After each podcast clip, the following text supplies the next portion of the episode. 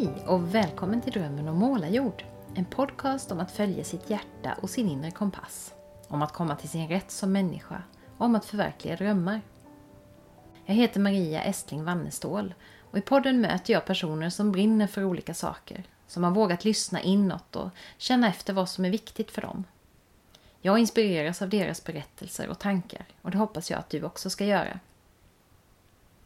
I dagens avsnitt ska du få träffa en person som har betytt mycket för mig de senaste åren. Jag träffade Ellika Lindén första gången sommaren 2012 då jag och min vän Sara fick möjlighet att vara medarrangörer på samtalslägret Circle Way Camp på Mundekulla retreatcentrum. Till det lägret kommer sedan många år tillbaka stamäldsten i Wampanoag-stammen, Manitonquat eller Medicine Story och hans svenska fru Ellika. Lägret samlar människor från hela landet och också från andra länder. Och under fem sex dagar möts man i samtal kring det som är viktigt i livet. Relationen mellan oss människor i allmänhet, till våra barn och till vår planet. Jag och Sara hade med våra familjer, så de blev också en del av den stora cirkelgemenskapen. Och vi tog med oss en hel del hem, bland annat vanan att samtala en i taget med hjälp av en talsten eller pinne. Så där gör vi fortfarande. Ibland mer sällan, ibland som nu i stort sett dagligen. Under kvällsmaten tar vi ofta en runda om hur dagen har varit. Jag ser det här dels som ett sätt för alla att faktiskt få lite odelad uppmärksamhet, vilket annars är en bristvara i en stor familj som vår. Men det är också ett sätt att träna sig att lyssna. Nåväl, tillbaka till Ellika. Hon och Medicine Story, eller kort och gott Story som man brukar kallas, de är det här samtalslägrets nav de föreläser, berättar, leder oss in i cirkelsamtal och parsamtal, leker med barnen, sjunger och dansar. Vi var med och arrangerade ytterligare två läger 2013 och 2014. Och för mig har höjdpunkten under dessa sommarveckor varit Ellikas kvinnocirkel. Lägets kvinnor har under en eftermiddag samlats i en egen cirkel där var och en av oss har fått fem minuter med Ellikas och övriga deltagares totala uppmärksamhet. Elika har hållit oss i handen och sen har vi fått vår tårtbit att använda till precis vad vi just då behövt. Allt ifrån småprat över något vi är glada över till storgråt över något svårt vi går och bär på. För min del har det räckt att Elika tittat på mig så har jag börjat storböla. Men det har varit en skön och läkande gråt. Och mina tårar har runnit lika mycket under mina medsystrars tårtbitstunder. Precis som hos många andra. Ibland har vi faktiskt gråtit upp en hel toarulle. Det är något med den här kvinnan som får oss att öppna våra hjärtan och lägga dem i hennes hand för en liten stund. På något sätt har hon blivit som en mamma till oss alla. Kanske har jag känt det extra tydligt eftersom jag själv inte har någon mamma i livet. Hon gick bort samma år som jag träffade Elika för första gången. Och eftersom mamma var dement innan hon gick bort så har jag inte haft någon riktig mammarelation på många år. Kanske är det också därför jag upptäcker att Elika hon dyker upp i mitt skrivande här och där. Visserligen inte i mammaroller, men ändå i olika gestalter som på något sätt symboliserar trygghet, lugn och värme. Nu ska du själv få bekanta dig med min extra mamma Ellika. Och innan du får kliva in i vårt samtal vill jag bara förklara några begrepp och namn som förekommer där. Ellika pratar om Rainbow Gatherings som är ett årligt återkommande läger inom hippierörelsen och som har anordnats sedan 1972. En svetthydda det är en traditionell ceremoni som finns inom bland annat den nordamerikanska urbefolkningen. Där man går igenom en såväl kroppslig som själslig reningsprocess. Slutligen nämner Elika Peter och Steven. Och då syftar hon på Mundekullas verksamhetschef Peter Elmberg. För övrigt intervjuad i avsnitt 3 av podden. Och Steven Hinton från omställningsrörelsen som varit med och organiserat Circle Way Camp de senaste fyra åren. Vårt samtal spelade vi in i Mundekulla en varm julidag utomhus och du kommer få lyssna på det till en fond av fågelsång, barnskratt och emellanåt också lite vindbrus. Varsågod!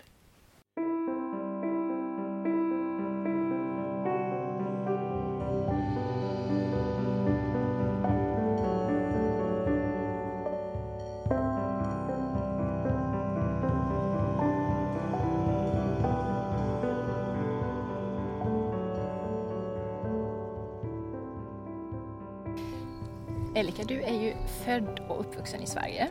Mm. Men sen har du bott stora delar av ditt liv utomlands. Mm. Eller framförallt USA och Danmark. Mm. Vad är hem för dig? Öland. Det, det är Öland. ja. Där du kommer från från början? Ja. Ah.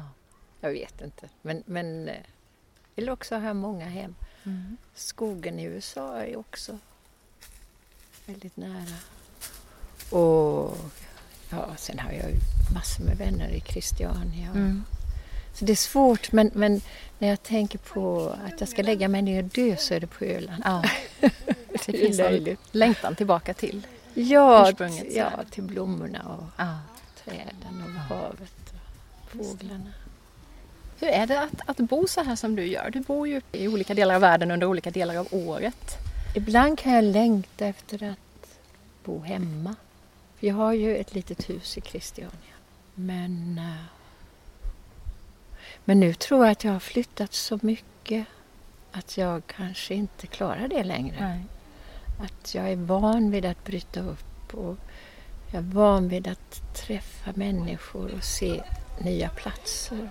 Möta människor som jag känner. Jag skulle sakna dem om jag inte kunde resa mer och inte bo i, lite här och där.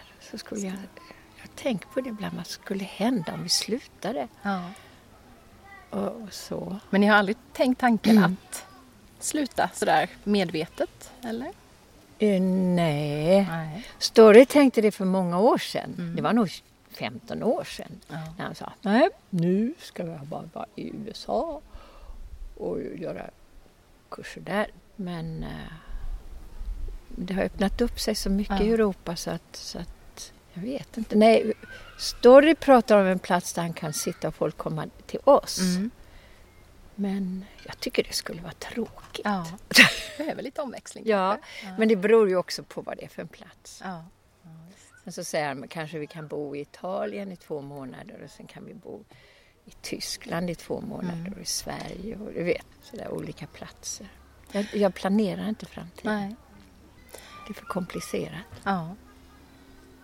Jag har ju jag träffade dig första gången för fyra år sedan här på Mm. Mundekulla i Småland. Och Mm. i mitt liv är du ju väldigt mycket en samtalsledare eller en samtalspartner och så. Men du har ju ett långt och innehållsrikt liv dessförinnan som jag är jättenyfiken på att veta lite mer om. Och så kommer jag att tänka på någonting som Story brukar göra här på lägret i Mundekulla. Han brukar uppmana oss deltagare att hitta någon och så tar ni en stund och berättar ert livs historia för den andra och så turas ni om. Och det gjorde jag för några år sedan med en, en vän som jag hade känt ett tag men inte hade någon sådär jättelång historia med och det var jättespännande att, att få en inblick i hennes liv och det var också intressant det här att se på sitt eget liv lite ur ett längre perspektiv. För ofta så pratar man om en viss period eller en viss punkt eller så men det här att liksom se på helheten. Och vi hinner inte prata om hela ditt liv i den här poddintervjun idag men har du några sådana här milstolpar som, eh, som du skulle vilja ta upp i din livsresa?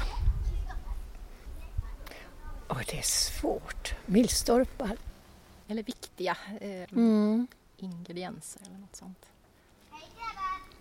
Det var ljuvligt att vara sådär liten. Jag kan komma ihåg hur det, hur det är att sitta i vattnet med stor mage och plaska. Nej, jag kan väl inte gå ännu, men eh, det här med solen och, och vatten och att växa upp med blommor som var så små på allvaret. Du vet, de är ju så små så man måste gå väldigt, väldigt nära. Man ser dem inte om man går, man ser dem bara när man kryper ner. Ja.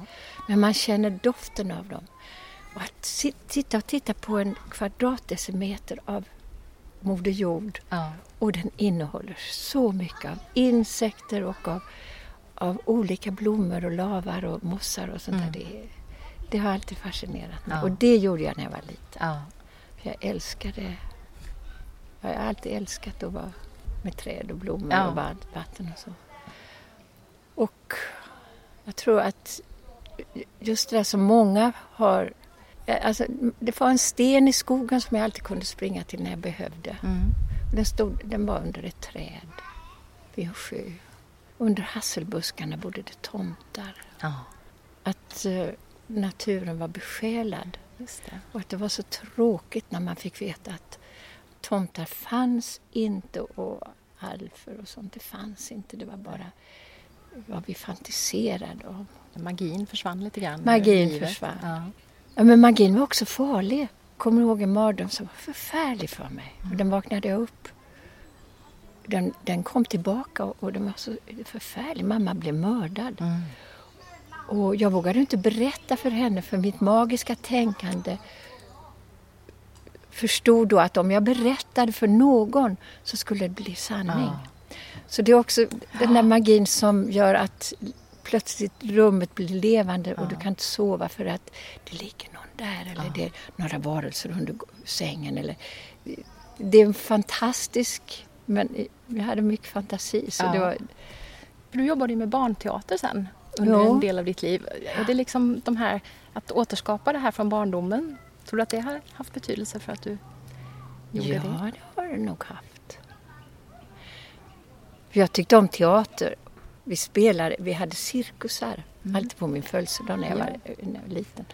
Och, och då hittade vi på massa roliga saker. Och sen gjorde vi pjäser, jag gjorde dockor och vi spelade pjäser. Och stackars mamma och pappa skulle ju sitta där och trycka. ja, att man kan göra om verkligheten. Att jag kan vara annorlunda. Jag behöver inte vara den jag är. Som Per Lagerkvist skrev i mina tonår så var det Jag önskar jag vore en annan, en annan, jag vet inte vem. En främling står bortvänd med pannan mot stjärnornas strålande hem. Jag önskar jag vore en annan. Den, den klingade i mig när jag var i tonåren, Ja. sådär 17. Jo, då började jag spela teater i skolan. Mm. Och det, jag tyckte det var mycket roligare än att sitta i en bänk. Ja. Jag satt och ritade och gjorde allt möjligt på lektionerna. Jag målade och jag var nog inte Passade så... inte så bra in Nej, jag var inte så bra elev. Tråkiga miljön. Nej, det var inte så kul. Hur länge jobbade du med barnteater? Jag jobbade med vanlig teater Vanlig också. ja. eh, före det. Mm. Men nej, så här var det. Jag, jag började studera teaterhistoria i Stockholm. Mm. För jag tänkte, jag vågade inte söka till någon teaterskola. Så jag började på det sättet att vara med i studentteatern lite och sen kom jag med, blev jag vaktmästare på Marionetteatern. Mm. Då tittade jag på alla föreställningar och när jag var sjuk så fick jag hoppa in. Och jag tyckte det var jätteroligt. Mm. Och så kom jag med i, Mikael Mersk hade då en utbildning för några av oss som togs ut. så skulle röra en docka. Och, ehm, så vi hade tre års utbildning och då spelade vi teater samtidigt. Mm. Så det, jag tycker det var den bästa utbildningen för vi, vi hjälpte till att göra do- dockor och masker och, det, och vi allt spelade där, kontinuerligt. Ja. Både vuxenteater och barnteater. Mm. Så att man fick ju pröva av sig hela tiden. Mm. Då spelade vi också som skådespelare ibland. Mm. Och sen var jag med Staffan Westerberg. Ja, också. jag har ju tittat på den här, eh, vad heter den nu då? Herr... Ingentings Ingenting funderingar. Den minns jag ju, jag var fem år då. Jag Nej. satt och tittade på den där cellon och på dig. Och, ja visst, så det är ju väldigt... eh, Stora mm, världen. Ja, ja visst, jag tyckte mycket om den. Annars har han ju blivit så utskälld, Staffan Westerberg, och folk säger att ah, de förstörde min barndom och sådär. Men det tror jag inte ett dugg på. Nej, det tror Fast nog helt andra saker som bidrog till det.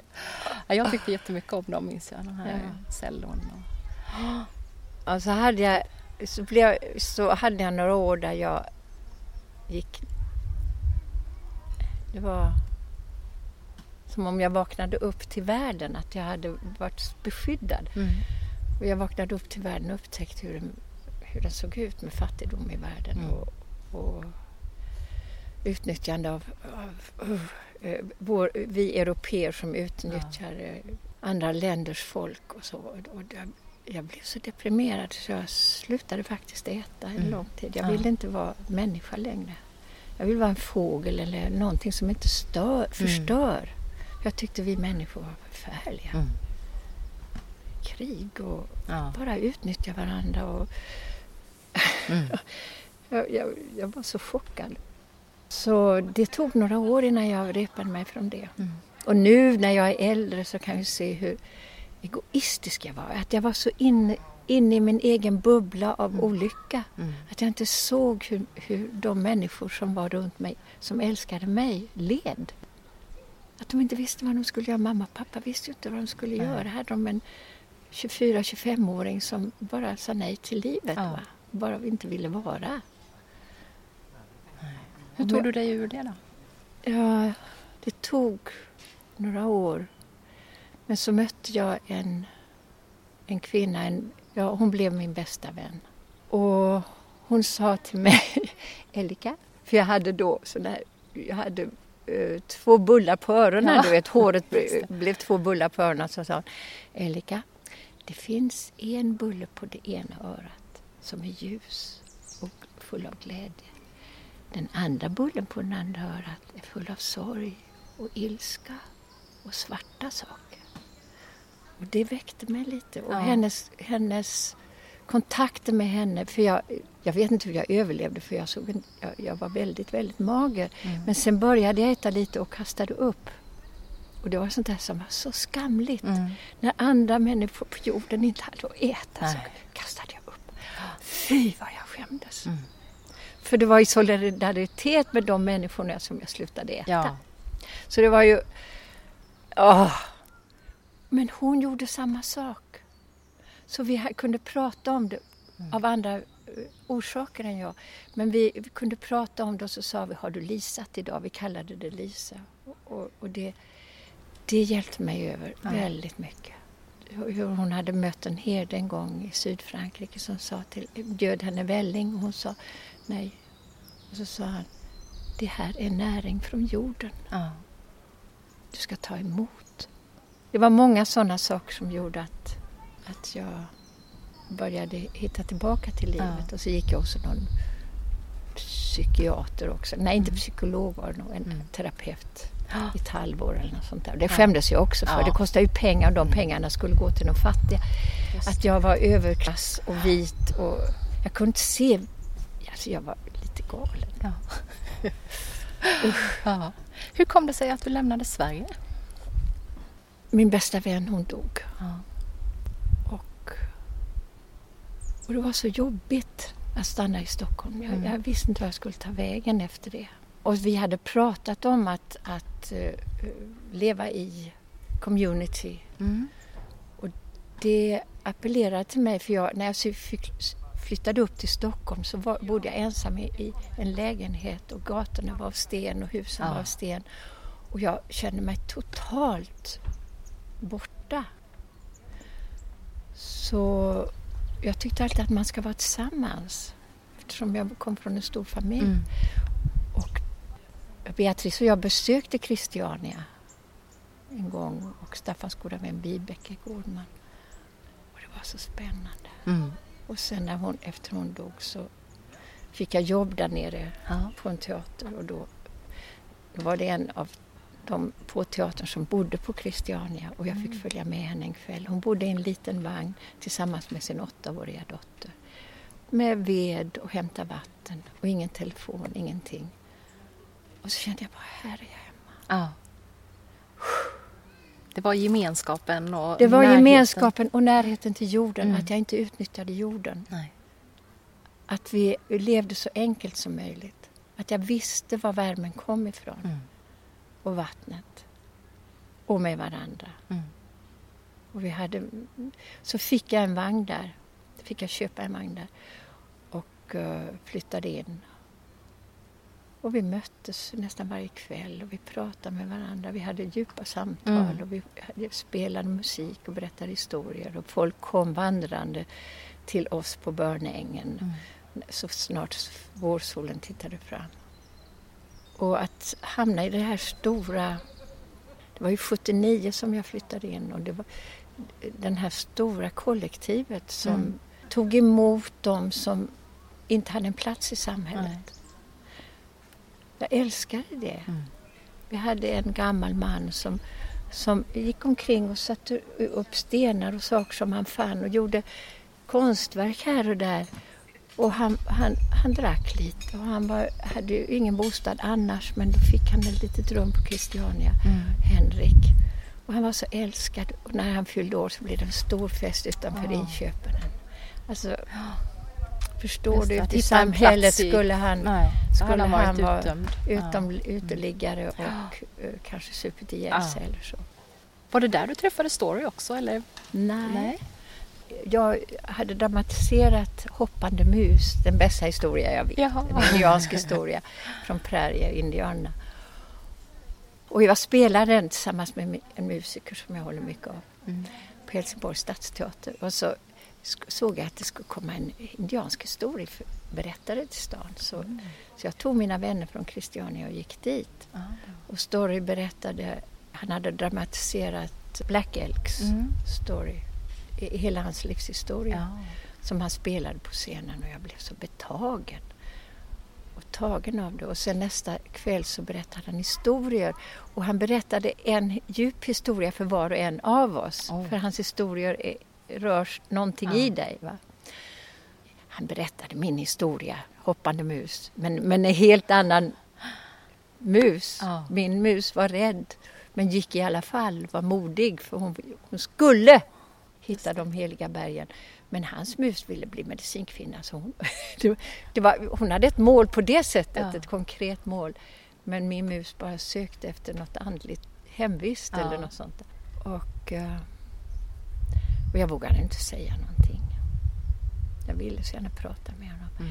Men sen ändrade de, tredje kvällen så berättade de om, om Rainbow Gatherings och så hade de ändrat så jag kunde komma till den workshopen han skulle ha fast jag skulle spela på söndag. Så jag kunde fredag kväll och lördag och söndag morgon måste jag åka. Och då träffades vi. Och sen kom han till min vagn en vecka senare och då var det som om han kom hem. Ja. Och sen, så där började Och det är många, många år sedan nu. det. är 32 år sedan Ja. i november. Ja. Har ni levt i sådana här gemenskaper hela tiden eller har ni också levt mer vanligt? 85, eh, trä- 84 träffades vi, 85 åkte jag till Amerika och då, då var Stories Community där, another, another place i New Hampshire. Och eh, det var väl 12 till 15 vuxna och jag vet inte hur många barn, Mm. kanske åtta barn, jag vet inte, jag kommer inte ihåg. Dit kom jag in och de, de eh, parsamtalade ju allihopa. Mm. Och det hade jag också Som du kände igen? Jag, jag kände igen det lite från, Ja. från tidigare. För det var också så det vände för mig att min vän Greta, hon berättade för mig. För jag var, jag var så förtvivlad över världen. Mm. Hur folk kunde tortera varandra och sånt där. Det hände i Spanien då överallt. Och så sa Greta till mig att, att eh, människor som inte är rädda och som inte är skadade gör inte andra människor illa. Nej, det är rädslan som styr Ja. ondskan. Människor som, som handlar ont, deras handlingar är onda beror på att de är skadade. De har blivit skadade genom uppväxten. Mm. De, de har haft det så hårt att de inte känner, kan känna efter längre. Nej. Och då, det, det var en väldigt stor vändpunkt för mig Mm. faktiskt. Så där har du kanske en sån Där, milstolpe. där var en vändpunkt. Mm, mm. Där var en vändpunkt. Där, Mm. där, då kunde jag acceptera att fortsätta leva. Mm. Och sen har ni ju arbetat med människor i fängelser och skolor Ja. och så. Och då är det med den utgångspunkten just Ja. att samtalen läker. Ja, första året Mm. jag kom dit så var jag med i communityn då och passade barn och vi gjorde allt möjligt. Och så en, en dag när Story inte var hemma så kom Slow Turtle till vår vagn. Slow Turtle var medicinman i hans, Mm. hans tribe. Och eh, Slow Turtle berättade om fängelset. Han berättade om hur fångarna sjöng och han spelade upp musik. Och han sa, jag vill att Story ska komma med. Mm. Vi behöver svetthydda i fängelset. Ah. Men sen efter det så åkte Story och jag till fängelset i Connecticut, Summers Prison. Och första gången jag såg det utifrån så tänkte jag, det bara kom till mig. Alla de saker som människor i samhället gör fel, deras förtryck och deras, om man ska inte säga ondskap, men handlingar som är Mm. onda. De här männen som, bo, som är inom fängelset, de betalar för det. Mm. De är skiten under skorna på de andra. Mm. Jag vet inte hur, jag kan inte hitta orden för att förklara det, men det var så tydligt att, Mm. att de, de utanför som inte vill stå för sina, eh, sina handlingar, fångarna bär de handlingarna Mm.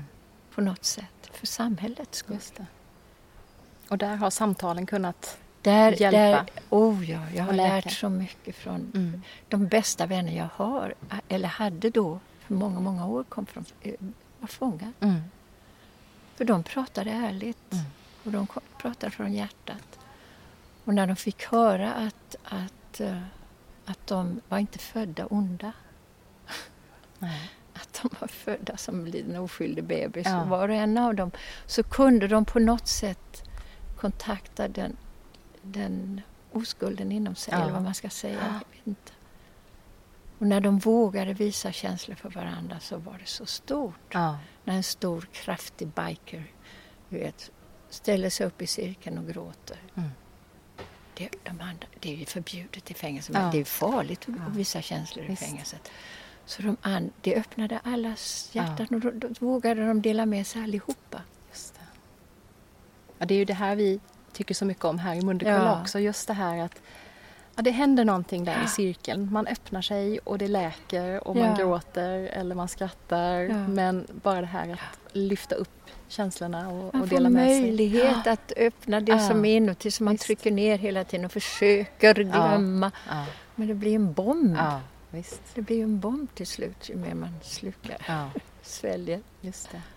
Ni brukar ju prata om supportive listening Ja. som den här parsamtalsmodellen också Ja. där man då turas om att, att lyssna och läsa. Och den använder ni både professionellt och privat, eller hur? För jag vet att Story brukar säga att ja, ibland känner jag att nu måste jag få ur mig någonting. Ja, ja. Ja, så att, Ja, ja. Mm, precis. Så Ja, det ja. blir en sån där modell som liksom genomsyrar ja. hela livet. Ja, det är det. Ja. det, är det.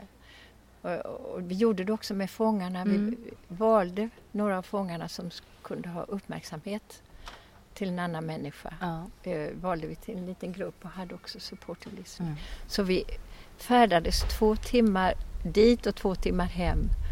Två gånger i veckan. Ja. Och vi fick, får ju inte något betalt för allt det här utan det var, det var bara för att vi ville. Mm. Och vi fick väldigt mycket betalt. Mm. Just det. De betalas människor som vi känner. Och, Mm. Visst. Ja. Ja. Hur, hur fick ni idén att göra de här lägren i Europa som ni har kommit att göra sen? Vi hade, vi hade workshops uppe i Hälsingland hos Ah. våra vänner där, Kai och Monica. Och eh, jag tror att Kai, jag vet inte om det, ja, det kanske kom från, jag vet inte om det kom från Story eller Kai, det kan gott ha kommit från Story att han vill ha läger, han vill ha Mm. längre tid, han vill eh, ha mer människor och sådär. Så vi hade dem uppe i Hälsingland två, tre år, jag kommer Mm. inte ihåg hur lång tid. Och då kom människor från alla olika kulturer. Det var Mm. fantastiskt. Ja. Från Iran och från Mexiko, och från Sverige, och från Danmark och Tyskland och Finland. Och, och det var inte så dyrt att resa då, Nej. utan det gick. Men sen blev det så dyrt att resa. Mm. Men det var jättefina läger. Ja. Och det här har ni gjort sen Ja. ute i Europa, i Italien, Tyskland. Ja. Ja, Många platser. Ja. Ja, vi håller på fortfarande. Fantastiskt. Och då är det ofta också fokus på familjen och relationer mellan barn och vuxna. Ja, ju, oftast är det det. Mm. Men somliga är det bara vuxna som Mm. kommer, men det är inte så ofta. Nej. Workshops kan det vara vuxna som kommer, men det hjälper att ha barn Ja. med. Alltså det är så ljuvligt. Och Peter och Steven har hittat en jättefin, eh, ett jättefint sätt att få in barnen i år. Ja. För ibland har det varit svårt. Ja. Men nu så börjar, börjar de med danser. Peter spelar och alla dansar och barnen är med. Och sen så får barnen föreslå en lek och så leker alla vuxna och barn den där leken. Mm. Vi kurragömma var det idag. Ja. Och, eh, och sen så sitter vi i cirkeln och så får barnen säga det de vill. Hur mår ni? Hur har ni det idag? Och så där vidare. Ja. Och sen går de med Johan och Ole. Ola heter han. Mm. Och leker. Och, och, och, och de vet ju vad, vad lyssnande är så Ja. de, de är inte sådana barnpassare utan de är, och på morgnarna har de cirklar. Barnen har barnen cirklar också. Ja. med Steven och Peter. Det är Mm. ju fantastiskt. För det är lite för mycket för oss att, Mm. att göra allt det. Just det det. måste vara andra som gör det. Ja. Men det är så fantastiskt. Barnen är verkligen Mm. ljuvligt. Ja. ja, fint. De är det viktigaste. Det är de som ska ta Ja. över. Visst är det så. Och det är inte en lätt värld de ska ta över. Nej. De kan behöva få med sig De behöver. verktyg och Ja. kärlek. Vi har ju barn som har varit med från början. Jag hade ordnade några cirklar då i början när jag träffade Story, 80 tror jag var Mm. första. Och de barnen har vuxit upp med cirkel så här. Ja. Så de vet ju precis hur man ska vara med andra människor Mm. och sådär. Ja, De har det i blodet. visst. Så om man får det tidigt nog Mm. så brukar det så frön. Ja, the circle way som Ja, det blir naturligt. Mm, Ja. En sak jag funderade på. Vad är du mest nöjd med? Du har levt ganska många år nu. Vilka val i livet eller beslut du har tagit? Eller saker du har gjort eller inte gjort? Om du ser tillbaka. Ja, du. Ja. Jag har inte gjort stora mål i livet. Jag har följt vad som... Jag följde stigen dit den gick. Ja. Jag visste att jag ville arbeta med teater. Det visste jag ganska tidigt.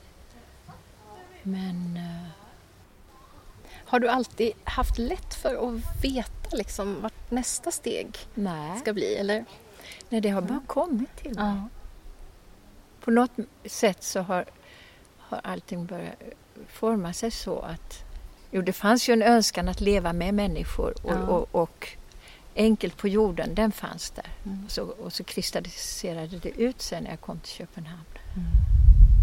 Ah, för det lärde vi oss när vi var små. Vi, vi, vi bodde på Öland tre månader om året och det, Mm. det känns som mitt hem. Ja. Och vi hade ingen elektricitet och hämtade vatten i brunnen. Och det har verkligen hjälpt mig. Ja. Och det är så viktigt tycker jag att barn får uppleva det. Om du tänker, är det, är det mest, är det oftast så att, att det ändå är hjärtat på något vis som har lett dig vidare? Ja.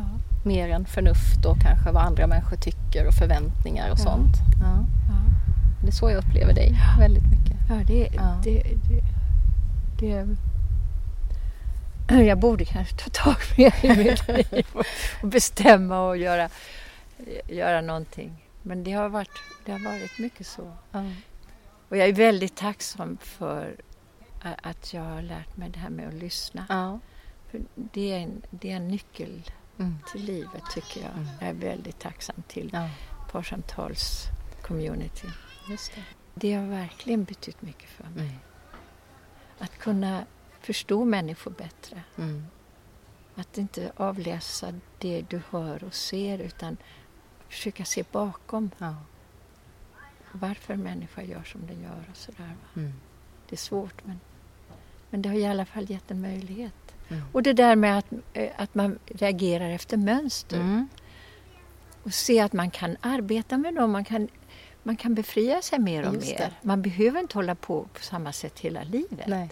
Det satt jag just och översatte en passage om i boken Ja. som din man har skrivit. Som, Ja, som han skriver om just de här det är så befriande. Ja. Bara jag går tillbaka till där, där förvirringen eller sorgen eller ilskan sitter. Ja. När jag var liten och sådär. Va? Ja. Det är en, eh, mina föräldrar var fantastiskt fina människor. Men man, man kan inte leva utan att ha, uppleva också det som är svårt. Nej, det vore ju hemskt om man inte gjorde. Nej. Men att, att få gå tillbaka dit och ta hand om det och så, Mm. så minskar kraften i det. Ja. Annars så följer du, utan att du vet det, så följer du de där mönstren hela livet och det blir så tråkigt. Ja.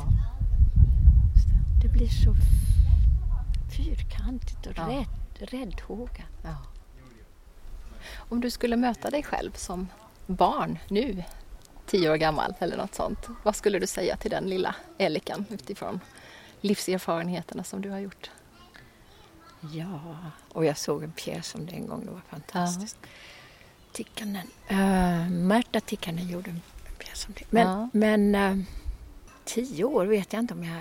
Jag började fundera mycket när jag var... Jo, jag funderade mycket när jag var liten också. Mm. Jag kommer ihåg nu att jag, jag fattade massor vad som hände men ingen trodde att en liten söt flicka kunde, kunde tänka. Utan man var bara söt sådär va. Men världen var ju så full av händelser. Mm. Jag skulle ha sagt till, till eh, tioåringen eller femtonåringen eller femåringen, du är inte dum. Nej. Fick du höra det? Eller var det På bara... något sätt kom det in. Jag tror inte jag har hört det men, men vi var två dumma och, och två intelligenta Ja, i barn, barngruppen. Mm. Och det var ingens fel, det bara blev så. Och man är så känslig som liten så, så jag accepterade att jag är den dumma. Ja. Det har förstört mycket Ja. av mitt liv. Ja. För jag var så nyfiken men jag tänkte det är ingen idé när jag är så Nej. dum. men det har jag fått jobba med i Ja, parsamtal och, och story. Han har försökt mycket och sagt nej men Elika du är ju intelligent. Ja. Äh, jag vet väl bäst själv säger jag då. Men sen en gång så sa han du är väl inte den dummaste på denna jorden? Och då kunde jag skratta Ja, åt det. Just Att, det. att, att man får lite Ibland är det humor. så befriande också att kunna se det med lite Ja, självdistans och humor, humor. det, hur? det är det Ja. bästa. Så nu vet jag att det är somliga saker jag inte kan. Mm. Jag är inte bra på matematik. Jo, jag kan räkna huvudet och sånt där, men allt det där med roten ur och Mm, sånt, det, just det gav jag upp när jag var 16. Eller. Ja. Och det är somliga saker som jag inte förstår, men jag tror att det är mycket det att det slår på att det där kan du inte. Nej, det ligger där ändå. Det ligger där Mm. fortfarande någonstans. Försök inte ens. Nej. Nej, det där kan inte jag. Och om jag inte pressar mig. Jag har, haft en, jag har en bror som när jag också var liten så förklarade han saker för mig. För han förstod fysik. Och det var så ljuvligt. Ja. Han accepterade inte att jag var dum. Nej. Och det har varit Ja. väldigt fint. Fint. Jag tänker så här, du utstrålar så oerhört mycket positiva saker. Det säger alla som möter dig som jag har träffat. Så mycket lugn och glädje och lekfullhet och sen den här tryggheten man känner i din närvaro. Men du har inte alltid haft det där med dig då. Var kommer det ifrån? Var, var har du hämtat hem det där, tror du? Jag har ingen aning. Jag tror att min start i livet var fin. Ja, Jag tror att det kommer därifrån. en bra grund. Ja, jag Föräldrar tror att det på något sätt, det har inte alltid varit så, men, men, och, och tvivlet har jag, har jag levt med mycket. Det Mm. där att jag inte är bra nog och, och kan, jag kan ju ingenting. Och, du vet, Mm.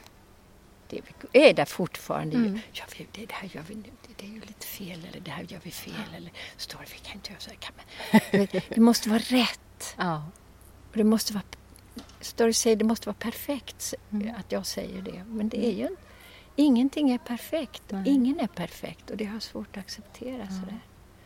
Men eh, Men dina föräldrar har gett dig någon slags grund de har gett mig en som har grund. varit viktig ändå. Ja. Ja. Finns det andra människor i livet som har bidragit liksom till Oh, den du är? Ja. Sådär? Oh, ja. Jag hade en moster som jag älskade också. Ja. Min bror och mina systrar. Ja. Och, och vänner och Beatrice. Förstås. Hon var mycket viktig. Ja. Och eh, senare i livet också. Mm. De jag har varit tillsammans med. Och, Mm. Man har ju lärt sig genom de här långa relationerna jag har haft. Mm. har jag ju lärt mig. Det kanske inte var så lätt för de män jag var samman med. Jag hade två långa relationer. Mm. Som jag ibland har lite dåligt samvete för att jag bara, hej då, sådär Ja. du vet. Det är mycket som man tänker Mm, på senare ja. i livet. Varför gjorde du så? Och man skäms lite och sådär. Ja. Men, men jag gjorde det, jag kunde inte bättre då. Nej, det tror jag är en väldigt viktig sak. Ja. Att man gör det bästa För utifrån det de hjälper inte förutsättningarna. med skuld. Nej. Och det sa min, min, min väninna begick självmord. Ja. Och hon ville inte. Men jag mötte henne långt senare, många år senare, så kom hon till mig. Och jag sa, ja men jag skulle ha gjort det och jag gjorde inte det. Jag fick äntligen prata med henne. Då sa hon, Elika, det finns ingen skuld. Nej. Det är bara på jorden vi hittar på det, sa hon. Och det var så. Jag ville säga det till alla människor. Ja. Och skuld håller fast. Det är icke Mm. levande.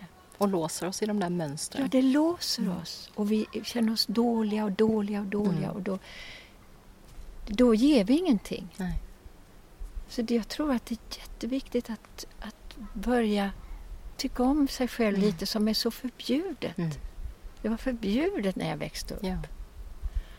Det var ju hemskt att att någon, någon konstnär sa jag är bäst eller jag är bra. Eller, så där, usch, då kan man inte Mm. säga Nej. Jantelagen. Mm. Men, men eh, om jag tycker illa om mig själv så tar jag ju energi från andra och jag Ja. ger ingenting. Nej. Så om jag ska vara människa på jorden så måste jag ju arbeta med det jag tycker Mm. om mig själv. Eller ge mig lite, give yourself a little slack, you know. Ja, just det. Vad det nu heter. Klappa dig själv lite ibland på kinden Ja, och gör det inte så allvarligt. Nej. Lite medkänsla, lite... man dömer ju sig själv mycket hårdare Mm. än man gör andra människor. Så är det ju. Och det är kristendomen Mm. eller vad det nu Ja, är. någonstans kommer det Arvet. Ja, Arvsynden. Ja, precis. Idag, precis just idag, fyller du 73 år. Så grattis Tänk än vad du har tagit reda Tänk på vad jag har researchat. Vad är det allra bästa med att vara Elika 73 just precis nu? Just precis nu att sitta här med dig Mm. och känna vinden. Jag älskar vinden. Mm. Den där smeksamma sommarvinden, också den starka. Och känna solen på min hud och se att bladen rör sig och höra barnen på avstånd. Ja, Att bara vara att bara vara. och se träden där uppe. Ja. Det är så svårt Mm. när man vet hur världen ser ut. Ja. Det är så svårt att ge sig tillstånd att bara njuta av det som är. Mm. Men vi måste. Mm.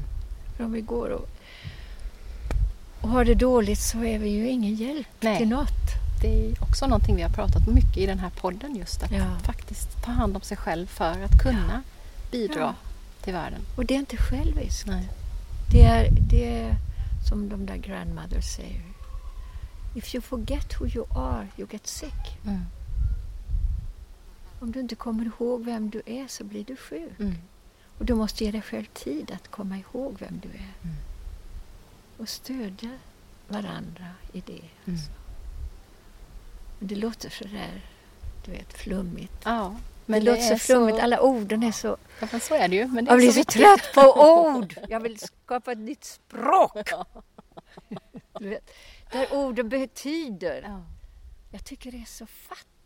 Ja. Jag kan inte hitta hem, kärlek. Men jag älskar, jag älskar majonnäs. Du Ja, vet, alltså, vadå? Just det, vi har samma ord för sådana vitt skilda ting i livet. Ja. ja. Tack snälla, snälla Elika för att du ville komma hit och prata med mig. Jag hoppas ju att du får en fin födelsedag och en skön sommar på Öland eller vad du nu har tänkt Jo, tillbringa jag- den. Vi har sex dagar på Öland, sen ska vi Ja. jobba igen. Ja, Ja. härligt. Tack så hemskt mycket. Tack själv, det var ju du som kom.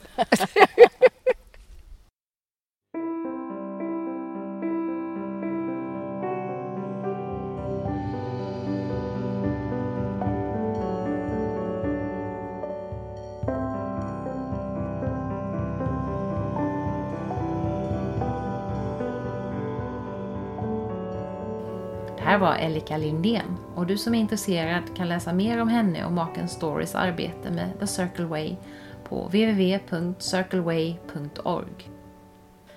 Jag blir så oerhört glad och inspirerad av arbetet som Story och Elika har gjort och gör. Familjelägren där vuxna och barn möts på nya sätt i samtal och lek. Precis som i Storys bok The Joy of Caring for Children som jag håller på att översätta. Och i fängelserna där interner får möjlighet att bryta destruktiva mönster, lära sig att våga visa känslor, öppna sig och samtala om det som är svårt. Den möjligheten borde finnas i alla fängelser och andra sammanhang. Och jag jobbar på för att sprida The Circle Way. Dels genom Stories bok, dels genom att använda cirkelsamtal i alla möjliga sammanhang. Mina pensionärscirklar, kurser, workshops och hemma i familjen. En av de tankar jag tar med mig från samtalet med Elika är det här med att försöka komma ihåg att det bakom onda handlingar alltid finns någon form av rädsla. Att försöka bli bättre på att inte döma människor utifrån deras beteende, utan se vad som finns där bakom. Jag tänker också på det Elika sa om att skuld ofta är en meningslös känsla. Att vi människor vanligtvis gör så gott vi kan. Vi gör vårt bästa utifrån de förutsättningar vi har just då. Oavsett vad vi har gjort eller inte gjort så är det ju ingenting vi kan ändra på. Istället behöver vi kunna be om förlåtelse, om det är befogat. Och inte minst förlåta oss själva. Elikas berättelse om sin egen barndom, om magin som fanns där runt omkring henne och sen försvann när hon blev äldre. Den fick mig också att tänka på mitt samtal med Pia och Dennis Kammerborn i avsnitt 29. De är ju experter på det där med att skapa magi mitt i vardagen, genom lek, genom vackert dukade måltider och andra former av skönhet. Jag tänkte på dem igår kväll när jag dukade till kvällsmat i vårt glasrum och bestämde mig för att tända den stora fina ljusstaken trots att det bara var en vanlig septembermåndag. En liten runda med talstenen om hur var och en hade upplevt sin dag och vips så hade vi skapat en smula måndagskvällsmagi. Det behöver inte vara mer komplicerat än så. I nästa avsnitt av Drömmen om målarjord ska du få träffa Kim Falk som jobbar som bergsguide i Pyrenéerna. Det här med vandring är något som jag har blivit väldigt intresserad av på senare tid och på tal om magi så hade jag tillfälle att uppleva en alldeles magisk vandring med Kajsa Ingmarsson, min poddgäst i avsnitt 17 och hennes vän pilgrimsguiden Sten Danielsson. Den vandringen ska jag också berätta lite om i nästa avsnitt. Följ gärna Drömmen om målarjord på Facebook och Instagram och tipsa hemskt gärna dina vänner om podden om de inte känner till den. Tack för att du har lyssnat idag och varmt välkommen tillbaka. Hejdå!